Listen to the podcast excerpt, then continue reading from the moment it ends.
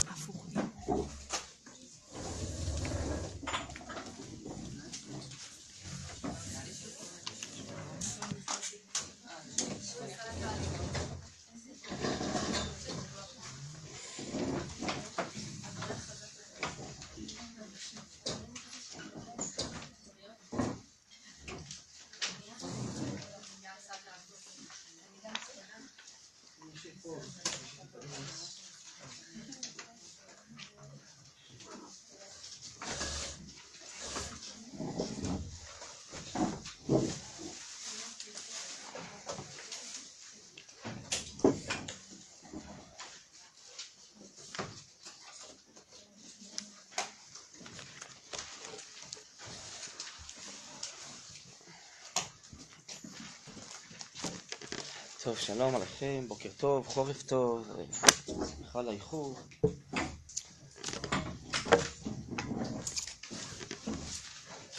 אה, ביקש ממני הרב חיים פרג'ון, אם אה, אפשר שנעסוק השנה, לפחות בחלק הזה של השנה, בשיעור הזה, ביחס הנכון לאישי התנ"ך, שמובאים, תורה, נביאים, כתובים,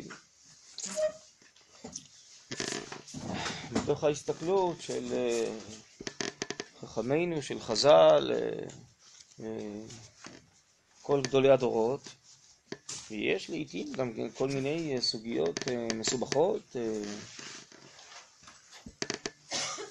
של חטאים שמובאים, וצריך ללמוד מתוך דברי חז"ל והמפרשים איך הם אה, התייחסו למציאויות הללו. ויש לזה הרבה מאוד אה, השלכות גם על הבנת האירועים עצמם שהתנ"ך מספר עליהם, וגם על ההשפעה הרוחנית, החינוכית, עלינו. אז הייתי רוצה להיכנס כאן לאחת הסוגיות, היא מופיעה בין שאר הסוגיות כאן במסכת שבת בפרק אה, חמישי. זה אחד המקומות המרכזיים שחז"ל התייחסו לסוגיות הללו. אז רציתי ללמוד סוגיה אחת אה, בינתיים, אה, שקשורה לדוד המלך.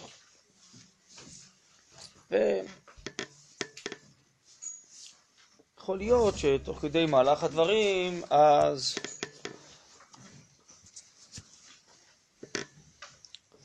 נאמת את זה עם uh, הסתכלויות אחרות שישנן היום uh, לא מעט, uh, לצערי. אבל בואו נתחיל, ניכנס ישר לתוך הנושא. אז גם בדף שמצולם לפניכם, אתם רואות מתוך דף נ"ו בפרק חמישי של מסכת שבת, אמר רבי שמואל בן נחמני, אמר רבי יונתן, כל האומר דוד חטא אינו אלא טועה. שנאמר, פסוק בספר שמואל, ויהי דוד לכל דרכיו משכיל והשם עמו. שר חטא בא לידו שכינה עמו? אלא מה אני מקיים את מה שאמר לו הנביא, מדוע ביזית את דבר השם לעשות הרע, שביקש לעשות ולא עשה. ברוך אתה אדוני אלוהינו מליך העולם שהכל נהיה דברו. אמר כאן החכם, רבי שמואל בן נחמני אומר, שדוד המלך ביקש לחטוא, אבל בסוף לא חטא. וזה כבר נקרא ביזיון לדבר השם, שהוא ביקש לעשות הרע. זה כבר מספיק, ודאי לאדם למדרגתו. עכשיו, מאיפה הוא יודע את זה? הוא אומר, יש פסוק בספר שמואל, ויהי דוד לכל דרכיו משכיל, והשם עמו. מה הכוונה השם עמו? דהיינו הפסוק אומר שהשכינה, האלוקיות איתו. אנחנו הרי יודעים שאין השכינה שורה במקום פגום. שכינה לא שורה בכל מקום. יש מקומות מיוחדים שהם ראויים להשכנת השכינה. אם על המקום, הר הבית, בית המקדש, המשכן, ארץ ישראל, ירושלים, אם זה בעמים, אה, בבני אדם, אז אה, באדם בכללו יש צדק אלוקים, בעם ישראל יש קדושה מיוחדת, אם זה בזמן, אז זה שבתות, ימים טובים, הנה כמו עכשיו, ראשי חודשים. ועוד יותר מזה, בתוך האומה הישראלית יש אה, גם כן מדרגות מדרגות, למשל הכהנים בברכת כהנים מברכים אשר קידשנו בקדושתו של אהרון, קדושה מיוחדת לשבט הכהונה, שהקדוש ברוך הוא החליט לשרות בתוכיו יותר אפילו מאשר בשאר עם ישראל. ועוד יותר מזה, יש אה, אנשי קודש מיוחדים בתוך עם ישראל. יש חסידים, יש קדושים, ויש בעלי רוח הקודש ונבואה. אנחנו, כשאנחנו עוסקים כאן בתנ"ך, אנחנו עוסקים באישים כאלה ש... שרתה עליהם הנבואה במדרגות שונות. הרמב"ם כותב, רוח הקודש היא מדרגה שמינית בנבואה, או מלמטה למעלה היא הכי כאילו נמוכה במרכאות, והם מטפסים כלפי מעלה. טוב, אז גם בתוך עם ישראל רוח הקודש לא שורה על כל אחד. לא כל אחד זכה שהשם ידבר איתו והשם יתגלה לו. ודאי לא כל אחד זוכה, כמו דוד המלך, שהשם בוחר אותו למלך על ישראל, הוא אומר לו שעד סוף כל הדורות, נצח נצחים, המלכות תצא ממנו. וגם המשיח העתידי, משיח בן דוד, או כמו שכתוב בספר תהילים, ודוד עבדי נשיא עליהם לעולם. מי שיצא מזרעו של דוד, הוא יהיה הנשיא. למה נשיא? אומר על המתנשא מעל העם, כי המלך זה רק הקדוש ברוך הוא, מלך מלכי המלכים. טוב, אז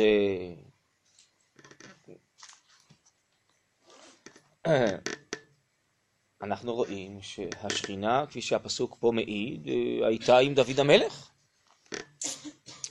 אז אם דוד המלך הוא אה, אדם אה, כמונו נגיד, ולעיתים חוטא וכן הלאה, למה השכינה גם לא איתנו? ואפילו באותה תקופה לא נאמר על כל אדם שהשכינה עמו, שהשם עמו. גם באותה תקופה של הפסוק הזה שנאמר, ודוד המלך, נאמר את זה על דוד, לא נאמר על אה, כל אחד והשם עמו. אז כנראה שיש פה איזו אישיות מיוחדת, איזה כלי מיוחד, שהוא ראוי להשכנת השכינה. טוב, אז מצד שני, אבל אה, אנחנו יודעים מהפסוקים שהיה פה משהו, והנביא בא ומוכיח אותו, נתן הנביא, נכון? ואומר לו מדוע ביזית את דבר השם, טוב. אז הוא עכשיו צריך להסביר. אבל תשימו לב, מה הוא עשה לנו פה? עוד לפני שניכנס אפילו לפירוש של הרב קוק. בלימוד הפשט של הגמרא בעצם. מה הוא עשה לנו כאן? הרי מי שקורא את הפסוקים כפשט, אז הוא ודאי רואה שיש פה חטא.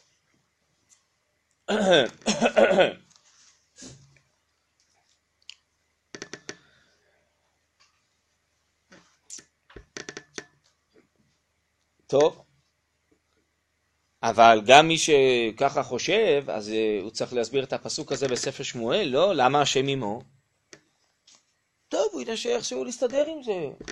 אבל בעיני מי שקורא את הפשט של הכתוב כפי שהוא, קודם כל יש חטא. טוב, כתוב השם עמו, איכשהו צריך לתרץ את זה, להסתדר עם זה, אבל משקל הכובד, נקודת המוצא בנפש, זה שיש פה חטא.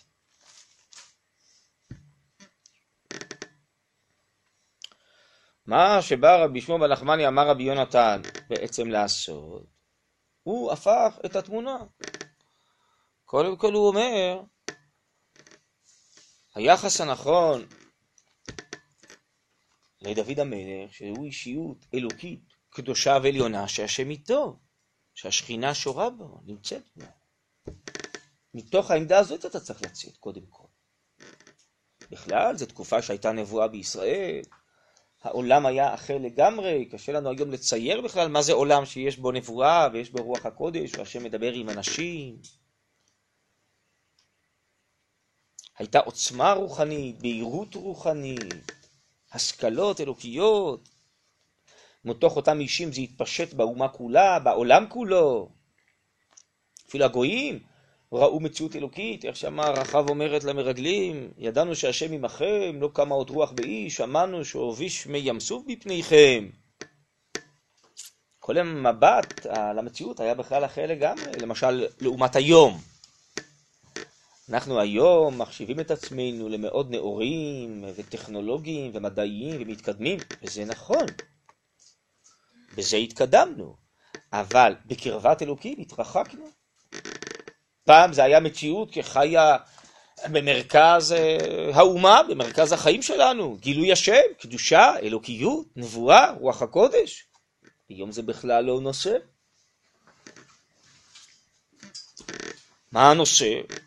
החושים האנושיים והשכל האנושי שבנוי על גביהם. זהו, זה החיים, זה העולם. אלוקיות, קדושה, נבואה, רוח הקודש, אנחנו לא רואים את זה בכלל במציאות. טוב, אנחנו אנשי אמונה, אז אנחנו מאמינים שהיה, בעזרת השם, שיהיה. יש מציאות נעלמת כזאת, שנקראת נבואה וקדושה, אבל גם אנחנו, זה לא חלק מחיינו באופן טבעי, אנחנו צריכים להתאמץ כדי להיפתח לזה, כדי להכיר את זה, נכון? אנחנו היום בעולם אחר לגמרי. הרבה יותר נמוך מאשר באותו עולם של אישי התנ"ך. נדמה לנו שאנחנו הכי הכי הכי חכמים ונאורים. בקליפת החיים, אומר הרב קוק בקבצים. בזה אנחנו מאוד יעילים. אבל בתוכיות החיים עצמם התרחקנו מהם. כי תוכיות החיים, שורשם, מרכזם, זה האלוקיות. זה האמת, זה הקדושה, זה גילוי השם. מזה מאוד ירדנו, מאוד התרחקנו. שהיה בית מקדש, היה זופיה, שפע אלוקי, שכינה, רוח הקודש, ניסים, אש, ירדה, אכלה את הקורבנות, היה חלק מתוכנו, לפני חטאינו, בנינו מארצנו, תרחקנו מעל אדמתנו. אנחנו רחוקים מהמציאות הזאת. אז יש דברים שהאנושיות התקדמה, יש דברים שהיא התרחקה.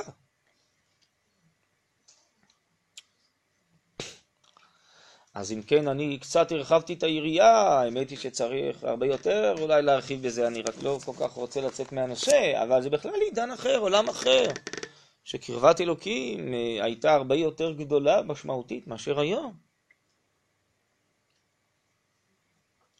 איך הרב אה, קורא לעיתים לאנשים שלא מסתכלים נכון על התנ"ך, גמדים בעלי עיניים טרוטות, עיניים סגורות. אז הם רואים דרך החור של המחט, מה שהוא קטנצ'יק. מתוך המושגים שלהם הם בכלל לא משיגים, מכירים מושגים אחרים, לא יודעים מה זה נבואה, מה זה רוח הקודש, מה זה קדושה. כמו אדם שהוא לובש משקפיים אדומות, אז כל העולם נראה לו אדום. אין משהו אחר מלבד צבע אדום בעולם, כי זה המשקפיים שהוא לבש. אבל יש לי שאלה. כן. זה לא משהו מופרך, הרי זה מה שכתוב בפסוקים. זה כמו שהייתי מצפה נניח, אם התורה הייתה רוצה שנבין באמת שלא היה פה שום חטא, ותעשה נגיד כמו שרשום על המן, שבני ישראל אמרו שזה משהו רע, ואז רשום שהוא חיזר האגג, וש... כאילו שיהיה פה איזו הקבלה, שגם גם קרוב לפה, אז יהיה רשום לפני כן, שהשם עמו, ושהוא קדוש עליון. כאילו, זה הרי מובן מאליו, שם היינו אמורים להיות כל הזמן לדעת שהשם עמו והוא קדוש עליון. בכל זאת, התנ"ך רוצה לומר, אבל הייתה פה איזו בעיה. כן, אבל נקודת המוצא היא אחרת לגמרי של התנ"ך מאשר שלנו היום, ולכן אני מדבר על זה. אין לנו היום את אותה נקודת מוצא של רבי שמואל בן נחמני אמר רבי יונתן. אז אנחנו מיד נכנסים לתוך הנושא של החטא. אבל אין לנו בכלל פרספקטיבה מי זה דוד המלך ומהי אותה תקופה. התנ"ך שהוא כתוב בעצמו ברוממות, מי שלא נמצא ברוממות של התנ"ך הוא פשוט לא יודע ללמוד תנ"ך. אני אתן לך דוגמה אחרת. אנחנו עכשיו, בעזרת השם, עוד מעט, אחרי השבת הזאת, פרשת נוח, ניכנס לפרשיות, שתי פרשיות של אברהם אבינו, לך לך וירא. מי זה אברהם אבינו? אם אנחנו נקרא את הפסוקים כפשוטם, אז יכול להיות שצודקת אותה מורה שאמרה, אני רוצה לקרב את הדמות של אברהם אבינו לתלמידים, אז אני אצייר אותו כמו אחד הבדואים פה שמסתובבים על איזה חמור. הרי כתוב שם שהיו בני אדם, נכון? והם רכבו על אה, אתונות, על חמורים, על גמלים, לא? והיה להם אוהל, נכון? שהכניסו אורחים, אז זה יותר דומה למה שפה בני דודינו אה, גרים בהם מאשר הבתים המתועשים אה, שאנחנו גרים בתוכם, לא? אז אם אני קורא את הפשט של הפסוקים, אז באמת יכול להיות שאברהם אבינו הוא כזה פשוט, איש טוב כזה. נכון, גם היום פה מאוד מכניסי אורחים בכל האוהלים האלה, הם מציעים לך קפה וכל מיני דברים, לא? אז אברהם אבינו היה אחד מהם. נכון, אני קורא פשט. ולכאורה אותה מורה היא צודקת. היא רוצה לקרב את אברהם אבינו לעולמם של הילדים. אבל מה היא מפסידה? היא מפסידה שני דברים. א', היא מפסידה את האמת. תכף אני אדבר על זה, אני אסביר למה אני מתכוון. אני בכוונה משתמש בזה בתור דוגמה. א', היא מפסידה את האמת. ב', היא גם מפסידה הפסד חינוכי עצום, הפסד נפשי עצום. נלך לפי הסדר. מי זה אברהם אבינו? אז הנה, יש לנו את ישעיהו הנביא, שיש לו מבט אלוקי עליון של נביא. הוא מספר מי זה אברהם. הוא אומר בפסוק אחד, מי האיר ממזרח צדק. הוא אומר בפסוק שני, הביטו אל צור חוצבתם, אל אברהם אביכם ואל שרת חוללכם. ואחרי זה באים חז"ל בעקבות ישעיהו הנביא, ואומרים, אברהם אבינו מחפש את האלוקות. זה ההקדמה לפרשת אה, לך לך ולפסוק, ויאמר השם לאברהם לך לך. למה השם פנה אליו? אברהם אבינו שהבין שיש בורא לעולם, ויש סיבה ותכלית לעולם. והוא מחפש את האמת הגדולה, המרוממת, שמתוכה נוצרו החיים, בשביל מה הם נוצרו. עד כדי שהרמב"ם בפרק א' של הלכות עבודה זרה אומר, בן 40 הכיר אברהם את בורו, זכה להכיר אותו. למה זכה להכיר? כי הציץ עליו בעל הבירה, אומרים המדרשים. מתי הציץ עליו? ויאמר השם אל אברהם, לך לך. כיוון שראה שהוא מצטער ומחפש, נגלה לו השם. אז אברהם אבינו הוא בעצם, גם כן היה נביא. השם נגלה לו, והוא הכיר מי זה בורא העולם. וכתב, מתוך כך, אומר רבנו י"ד ספר הכוזרי, כתב אחד מהספרים שנקראים אצלנו ספרי הסוד והקבלה, כתב ספר יצירה. ששם מוסבר על בריאת העולם והתגלות השם ומגמת בריאת העולם. אז אברהם אבינו קודם כל מהו? יש לו מבט אלוקי עליון של השכלה אדירה, של הכרת התכלית, המהות של המציאות, משורשיה העליונים עד תחתיות ארץ, עד תכליתה ועד עתידה. ולכן אומר הרב קוק בעולת ראייה, אברהם אבינו מחדיר באומה הישראלית את הדעת. ידעתם את זה? אני משוכנע שלא ידעתם את זה. הדעת של האמת והאמונה אברהם אבינו מלמד באומה. כרגיל, מה שיודעים על אברהם זה טוב וחסד, לא חסת אורחים. לא אומר הרב קוק, מתוך כל המקורות שאמרתי עכשיו ועוד הרבה מקומות, מקורות אחרים, אברהם אבינו הוא מחדיר באומה את הדעת האלוקית. מתוך כך הוא רואה כמה אנשים רחוקים מהאמת הזאת, נבערים מדעת. אז כמו שכתוב בפרקי אבות, אוהב את הבריות ומקרבם לתורה. מי שאוהב את הבריות, רוצה לזכות אותם, לקרב אותם לאמת. אז גם אברהם אבינו מגייר, ושרי מגיירת, מה שאנחנו מכירים מרש"י ומחז"ל, רוצה לקרב את כל האנושות לידיעת האמת. זה הטובה, קודם כל, הכי גדולה שאפשר לעשות האנושות, טובה רוחנית. שיכירו גם הם את בורם. והנה הוא מובא בחז"ל, שכשהיה נותן להם מאכל ומשקיע, היה אומר להם לברך את מי שיצר ונתן להם את זה וכן הלאה. אז בעצם כל אהבת הטוב והחסד של אברהם נובעת מזה שהוא רואה בכל הבירואים, בכל היצורים, כברואי מעלה, כברואיו של מקום, והוא רוצה להיטיב להם. והוא רואה בכל ביריה, כן, חיים אלוקיים שמפעמת בתוך אותה ביריה. והוא רוצה גם כן את כל הבריות האלו לאחד, לקרב לאותה אמת ולעשות להם טוב, גם רוחני וגם גשמי. זה משהו מאברהם אבינו, וזה שוב הציור שאנחנו מצליחים לקלוט מחז"ל וזה המפרשים, כי זה יכולת הציור שלנו, אבל היא קטנה מאוד יכולת הציור שלנו. רוצה להניח שאברהם אבינו הרבה יותר נשגב וגדול למה שאני הצלחתי לצייר עכשיו לעצמי ולכם את אברהם אבינו, כי אני מצייר לפי הקטנות שלי, לפי הסובייקטיביזם שלי. אבל הציור האמיתי מי זה אברהם, כמו שהרב קוק מתאר בקבצים, אדם שמשוטט בכל העולם, בכל העולמות, בכל העתיד, בכל התכליות, והוא כבר יודע, השם אומר לו כנביא שהוא עתיד להעמיד אומה שלמה, נכון? מזרעו, שהיא תקבל תורה, והיא תושיע את כל האנושות, והיא תרים את כל העולם לדעת השם, והיא תביא גאולה, ותביא את העולם לתכליתו. והוא מתחיל לסלול את המסילה, איך בונים את העם הזה, וכולי וכולי וכולי. טוב, שוב, זה ציור מתוך חז"ל, מתוך המפרשים, מתוך מה שאני מסוגל לצייר על אברהם אבינו. האם אנחנו לבד היינו מגיעים לזה מתוך הפשט? נדמה לי שלא, לפחות אני. האם בני דודינו פה, אני לא יודע, לא מכיר מה נמצא בעומק נפשם ושכלם, אבל uh, על פניו נראה שזה לא השאיפות שלהם. נו, אז אם תצייר את אברהם כמו אחד מאלה שמסתובבים פה מסביב, זה באמת אברהם? קודם כל זה החטא הכי גדול האמת, זה ממש לא אברהם. כי אברהם זה לא רק מישהו שהולך עם שלמה או עם סנדלים שהלכו אז הוא רוכב על חמור. אברהם זה הפנימיות של אברהם, לא הצד החיצוני שלו, נכון? לפנימיות שלו חדרת?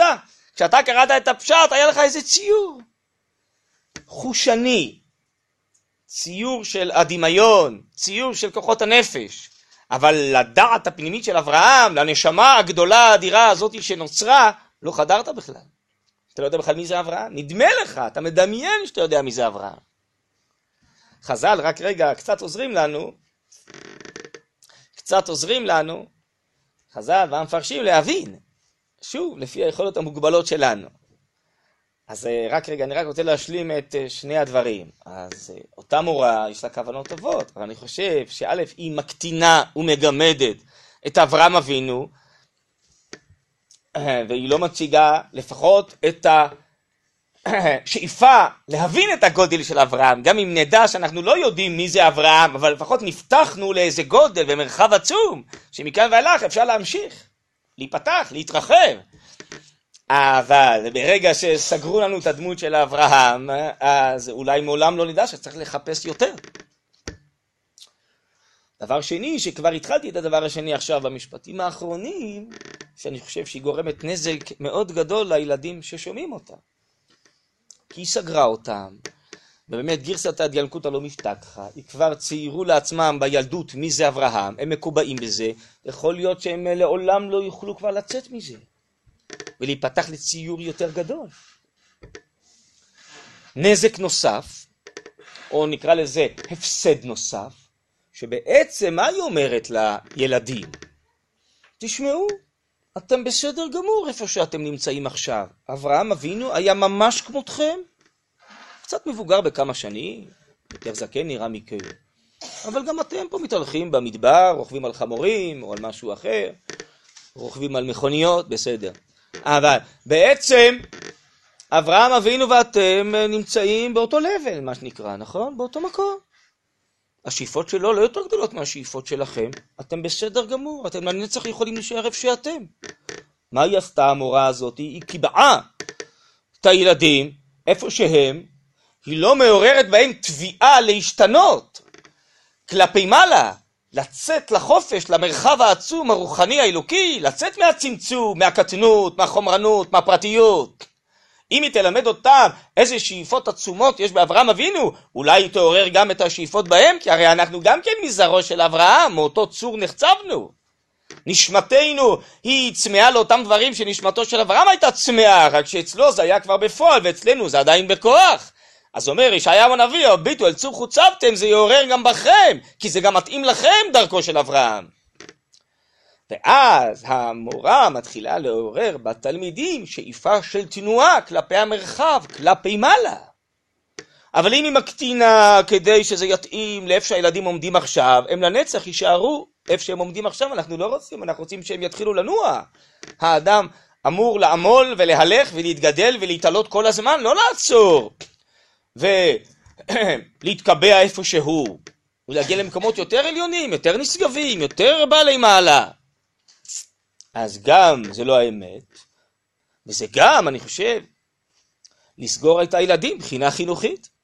בסדר? אז הנה לקחתי דוגמה אחרת על אברהם, שאם רק אנחנו נהיה צמודים לפשט כפי שאנחנו קוראים אותו בעיניים שלנו, מתוך התקופה, מתוך הכרת המציאות כפי שאנחנו מכירים אותה היום, אין לנו שום סיכוי להכיר באמת, או לפחות בשאיפה לאמת, מי זה אברהם אבינו. ואם כן נלמד על אברהם מתוך דברי הנביאים והכתובים, מתוך דברי חז"ל, מתוך דברי תנאים ואמוראים בגדולי הדורות, אז אנחנו נצליח להכיר אברהם אבינו גם יותר קרוב למקור, יותר אמיתי, וב' הוא גם יפעל עלינו הרבה יותר טוב. כן, סליחה.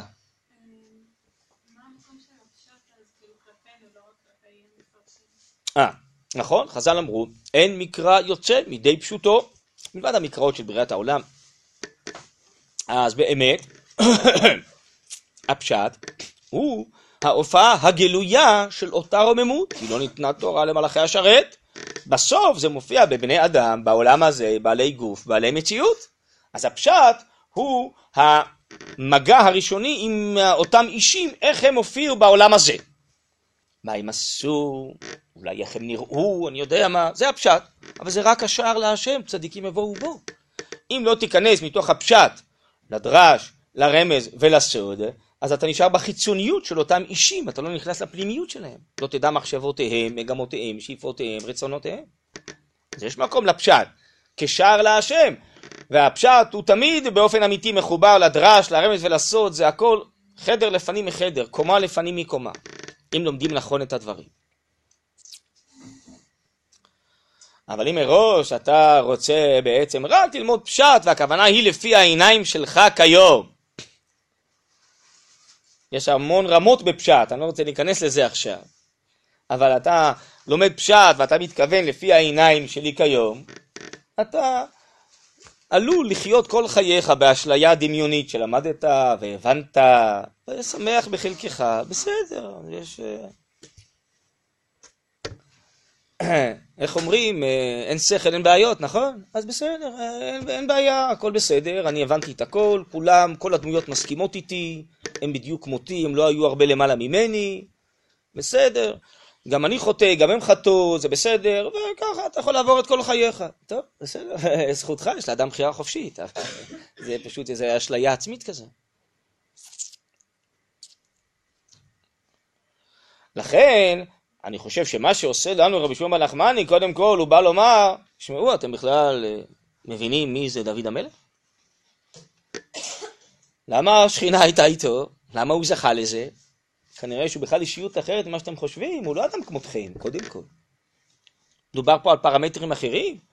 יש חטאים גם בצדיקים עליונים, אבל שמה זה נקרא אה, סביביו נסערה מאוד, מדקדק השם עם כחוט השערה עם צדיקים, שמה זה רמות אחרות של חטאים. אתם בכלל יודעים במי אתם עוסקים? קודם כל, בואו קצת אה, ניכנס להיות יותר אובייקטיביים במונחים האלו הלועזיים, מאשר סובייקטיביים. בואו קצת תיפתחו לאובייקט, למציאות הזאת שנקראת דוד המלך, למציאות של אישיות ששכינה עמו, למציאות של התקופה שאישים התהלכו והשם דיבר איתם במדרגות שונות. עכשיו, על גבי זה, שקצת נפתחנו לאותה מציאות, עכשיו תגיע השאלה, טוב, אז איך יכול להיות, עם, השם, עם האישים האלה, איך יכול להיות שהם גם חוטאים, שהם גם טועים, שהם גם רוצים לחטוא, כפי שהוא מסביר אפילו, ולא חטאו, אבל רוצים אפילו לחטוא, טוב, יש שאלה, צריך לענות עליה. אבל אז השאלה היא אחרת, הנקודת המוצא היא שמדובר פה על אישיות אלוקית עליונה. עכשיו אני צריך להבין בכל זאת, אז אם כן, איך יש פה איזה חטא? אבל לפי המבט הקודם, כאילו אברהם אבינו, דוד המלך, זה אחד משלנו, אחד מהחבר'ה ששיחקנו איתם גולות, הילדים עכשיו כולם משחקים פה בגולות בבית ספר, וזה, גוגויים, וזה, כן, הוא אחד כמונו, לא יותר מאיתנו. טוב, מה, כתוב שהשם עמו? יש קושייה, טוב, נו צריך עיון, נשאר צריך עיון, אבל בעצם אני נשאר בזה שאני כבר יודע מי זה דוד המלך. טוב, אני אומר, מי שרוצה ללמוד ככה, אז יכול, יש כאלה לצערי הרב גם שמלמדים ככה היום. אבל ניסיתי להסביר שאני חושב, אה, כן, שיש פה טעות גם בהבנת האמת המציאותית, וגם לאחר מכן טעות חינוכית מאוד קשה שמרעה לילדים ולא מיטיבה להם. צריך אמון בעם ישראל. הילדים שלנו, יש להם נשמה קדושה וטהורה, שאתה מלמד, את מלמדת, בנים, בנות, צריך לדעת שיושבים לפניך נשמות, יושבות לפניך נשמות קדושות. שהם אברהם אבינו קטן, הם דוד המלך קטן בתוכה, ואולי בעתיד הם יהיו אברהם אבינו של הדור הבא ושל אה, דוד המלך של הדור הבא, המנהיגים והמלכים של הדור הבא. ואנחנו עוזרים לנשמתם לצאת מן הכוח אל הפועל. והמגע עם האישים האלוקיים הללו יעזור לאוצר האדיר האלוקי שטמון בהם לצאת לפועל, שזה צריך אבל אמון בילדים האלה. אם אתה חושב שהם כאלה קטנים ולא שווים ושפלים ויצריים ונמוכים ובעצם כן, חוטאים כמו כולם ואין לך אמון בהם, לא תצליח לגדל אותם, להוציא את כוחם האמיתי לפועל. אבל אם אתה יודע, ככה מסביר הרמב"ם, למה המשל של ישעיהו הנביא צור חוצבתם? משום שברגע שיש צור וחוצבים אותו, אז החלק הנחצר הוא כמו המקור. זה בדיוק אותו דבר. אז באופן מהותי, פנימי, אנחנו בדיוק כמו אברהם אבינו.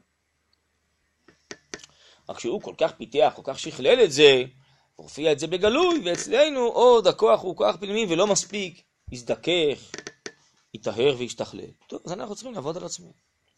אבל זה אפשרי. יש לך אמון שכתבי הקודש האלה והתנ"ך נוצר, נבואה שנצרכה לדורות נכתבה, כי התנ"ך יכול להשפיע עלינו לטובה. ואז המגע בין התנ"ך לבין הנפשות שלנו, של הילדים, של המבוגרים, היא מצא מין את מינו ונאור, זה מתאים זה לזה. התעוררו הנפשות שלנו, התקדשו, התארו, התגדלו, יצאו לפועל. צריך שזה אמון כפול, אמון בתורה ובתנ"ך ואמון בנפשות. אבל אם חסר האמון בתורה, הוא חושב שהתורה גם כן דיברה רק על אנשים חוטאים ונמוכים. אם אין אמון בנפשות שמסוגלות לזה, אז לא תצליח ליצור את הפעולה הזאת. את המגע הזה, ומתוך כך ההפריה הזאת וההתעוררות הזאת. אבל עם ישראל כל הדורות צמא לתורה, צמא לתנ"ך, צמא לתורה שבעל פה, כי עם ישראל שייך לזה. עם כל הניסיונות להפריד אותנו מזה בכל הדורות, בכל מיני צורות ושיטות. כי זה כן מתאים לנו, התנ"ך וכל תורה שבעל פה, אבל אנחנו צמאים לזה, וזה מגדל את הנפשות של כל הדורות. נראה לי שזה קצת, אה, הייתי אומר, אה, עזות וחוצפה וטיפשות אולי. מי שרוצה היום לחנך את עם ישראל, איך הוא אמור לחנך, לא? נראה לי שאנחנו מחנכים כבר אלפי שנה, ועם ישראל הוא העם היחידי שקיים וחי אלפי שנה, ועם אותה תרבות, עם אותה תורה, והנפשות אה, לא רעות, לא, אלה שיוצאות לפועל, אנשים, גברים ונשים, כל מיני אנשים שנהיו חלקם גם גדולי הדורות, לא רק של עם ישראל, של העולם כולו, יש לנו חינוך לא רע כל הדורות, לא? אז ילמדו אותנו היום מחדש. מה זה נקרא חינוך? לימודי ליבה. אני מסכים שרחמנא ליבה באי, אבל לא הליבה שמתכוונים היום. לא שאני אומר שלימודי אנגלית או מתמטיקה או דברים אחרים לא נצרכים. נצרכים. אבל מי אומר שזה האלף? הרב קוק אומר זה הבית. קודם כל בוא נעסוק במהות של הנפש עצמה, בקדושתה, בטהרתה, אחרי זה נעסוק בעוד כלים חשובים לחיים. לא, זה היום הכי חשוב, אה, חינוך, מידות טובות, אידיאליזם, תורה, אה, שלב ב', אם בכלל, לצערי הרב, בבתי הספר הרבה מאוד מהכלליים ואפילו אצל הדתיים. זה לא ההדגשה המרכזית. נכון? יש מגמות, אנגלית, מתמטיקה, לא שמעתי שיש מגמות במידות טובות, במוסר, באידיאליזם, בתורה, בתנ"ך, ב... טוב, זה סיפור ארוך, אני לא רוצה להיכנס לזה עכשיו. אז אבל אה, בסך הכל החינוך שאנחנו מחנכים את אה, עצמנו וילדי ישראל ובנות ישראל, כל הדורות, יש לו פירות לא רעים. אולי אנחנו יכולים ללמד אנשים אחרים מה זה חינוך, איך באמת אפשר להטיב את הנפשות, כי אנחנו לא יותר חכמים מאחרים. אבל ריבונו של עולם, שיצר את האדם ויצר את עם ישראל, הוא גם נתן את התורה. והוא אמר לנו שהתורה והתנ"ך, תורה שבעל פה, הם המחנכים הכי טובים. מתוך כך אנחנו מחנכים בצורה הזאת. ריבונו של עולם גילה לנו איך לחנך. אם לומדים בצורה הזאת, מתוך אמונה, מתוך יראת שמיים, מתוך רצון אמיתי להתעלות, להתקדשות, להתארות, להתעלות, אז זה פועל על עם ישראל. לפחות על עם ישראל, הגויים זה סוגיה אחרת. אז לכן נראה לי זה קצת יומרני, לא? כל מיני אנשים שכל שנה משנים את השיטה של החינוך שלהם. וכל שר חינוך משנה את השיטה. וכל שנה משתנים ספרי הלימוד של התלמידים, כמעט בכל מקצוע, זה מדהים הדבר הזה. מחפשים, מחפשים. טוב, זכותו של כל אחד לחפש, אבל יש לנו דברים מאוד יצוקים, איתנים. שוב, מסתגננים, משתכללים, כל הדורות, מותאמים לתקופה, לאישים, להוויות, לנושאים, להתמודדויות, בסדר, הכל נכון, אבל יש בסיס מוצק, יש נקודת מוצא, שאנחנו יודעים, דברים מהותיים שאליהם אנחנו חותרים. אז אה, נדמה לי שאם אנחנו כבר קצת אה, התרחבנו מעבר לנושא רק של תנ"ך או של סוגיית כאן דוד המלך, אלא לחינוך בכללו, אז נראה לי שיש לנו מה ללמד אחרים. מה שהרבה אנשים מנסים להטיף לנו מוסר וללמד אותנו, טוב, זה מצב קצת, אני חושב, קצת מביך וקצת אה, משונה המצב, אני מניח שהוא עוד ישתנה בעתיד בלי נדר. ובסך הכל נראה שעם ישראל דורש תורה ורוצה תורה וחוזר בתשובה, וזה טבעו של עם ישראל. טוב, בכל אופן, אני חוזר כאן לנושא המרכזי, יש הרבה מאוד דוגמאות למה שדיברתי עכשיו, רק הבאתי דוגמה אחת של אברהם אבינו, כדי לסבר את האוזן כהסברה פה לדוד המלך, כיוון ששאלתם, אבל הפשט אומר כך וכך. נכון, אבל אם תקרא רק את הפשט, סביר מאוד להניח שהציור שתקבל הוא מאוד רחוק מאברהם אבינו האמיתי. הרב קוק אומר בספר, בספר הזה, בעין היה בשבת חלק ב', באיזו סוגיה אחרת, הפשט זה ההבנה של המקרא הכי קרובה לחוש ולמדמה. היא הכי רחוקה מהשכליות האמיתית. הדרש כבר מכניס אותנו, מתחיל להכניס אותנו לשכליות האמיתית. אבל הפשט זה מה שניסיתי עכשיו להסביר, מצטייר לי איזה ציור כזה, איך אברהם אבינו היה נראה ומי הוא היה, זה ציור כזה. אבל יכול להיות שזה ציור מאוד מאוד מאוד דמיוני. ככה הצטייר לי מתוך מה שקראתי. הדרש הוא תובע ממני להכיר הרבה יותר את העומק של אברהם, ואת המהות של אברהם, ומי הוא באמת, ומה דעותיו, ומה שאיפותיו. אז הצטייר לי אברהם אבינו, הוא אחר לגמרי, אולי באמת הרבה יותר קרוב למקור.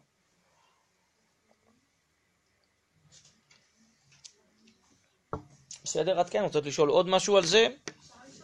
כן, בטח.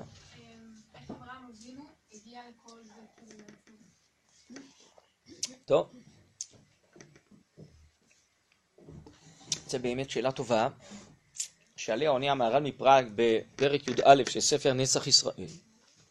והוא שואל, לעומת הפרשה שלנו, בעזרת השם, שנקרא בלי נדר בשבת, על נוח, שכתוב שהיה איש צדיק תמים בדורותיו, לא כתוב מי זה היה אברהם אבינו לפני שהשם נגלה לו. לא כתוב שהוא היה צדיק והיה לו מעשים טובים שבגללם השם נגלה לו.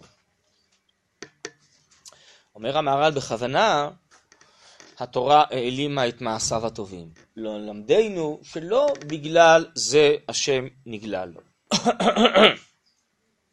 אלא אברהם אבינו, השם יצר אותו עם נשמה גדולה מיוחדת, אברהמית. שהטבע האלוקי הישראלי מאוד מאוד בוער בעצמותיו, עד כדי שהוא לא מקבל את העבודה הזרה של ימיו, ונלחם ומסתכן.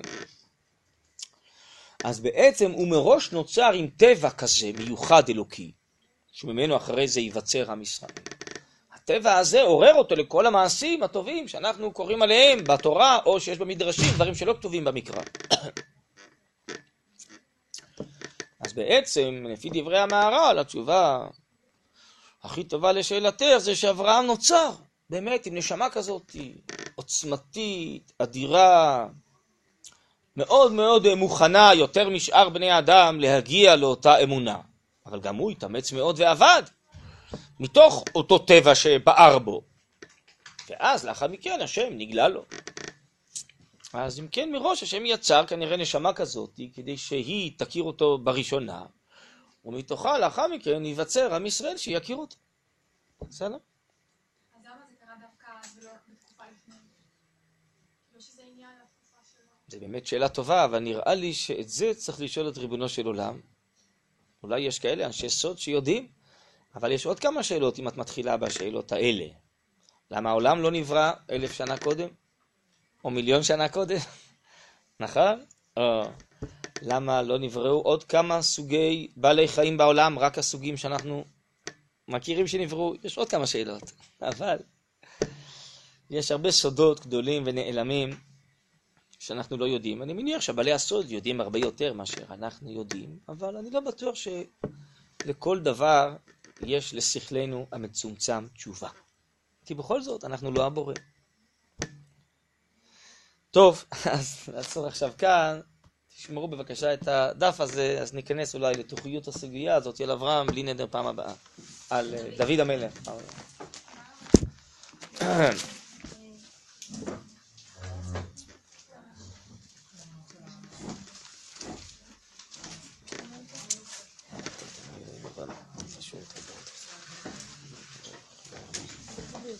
אה, תודה רבה.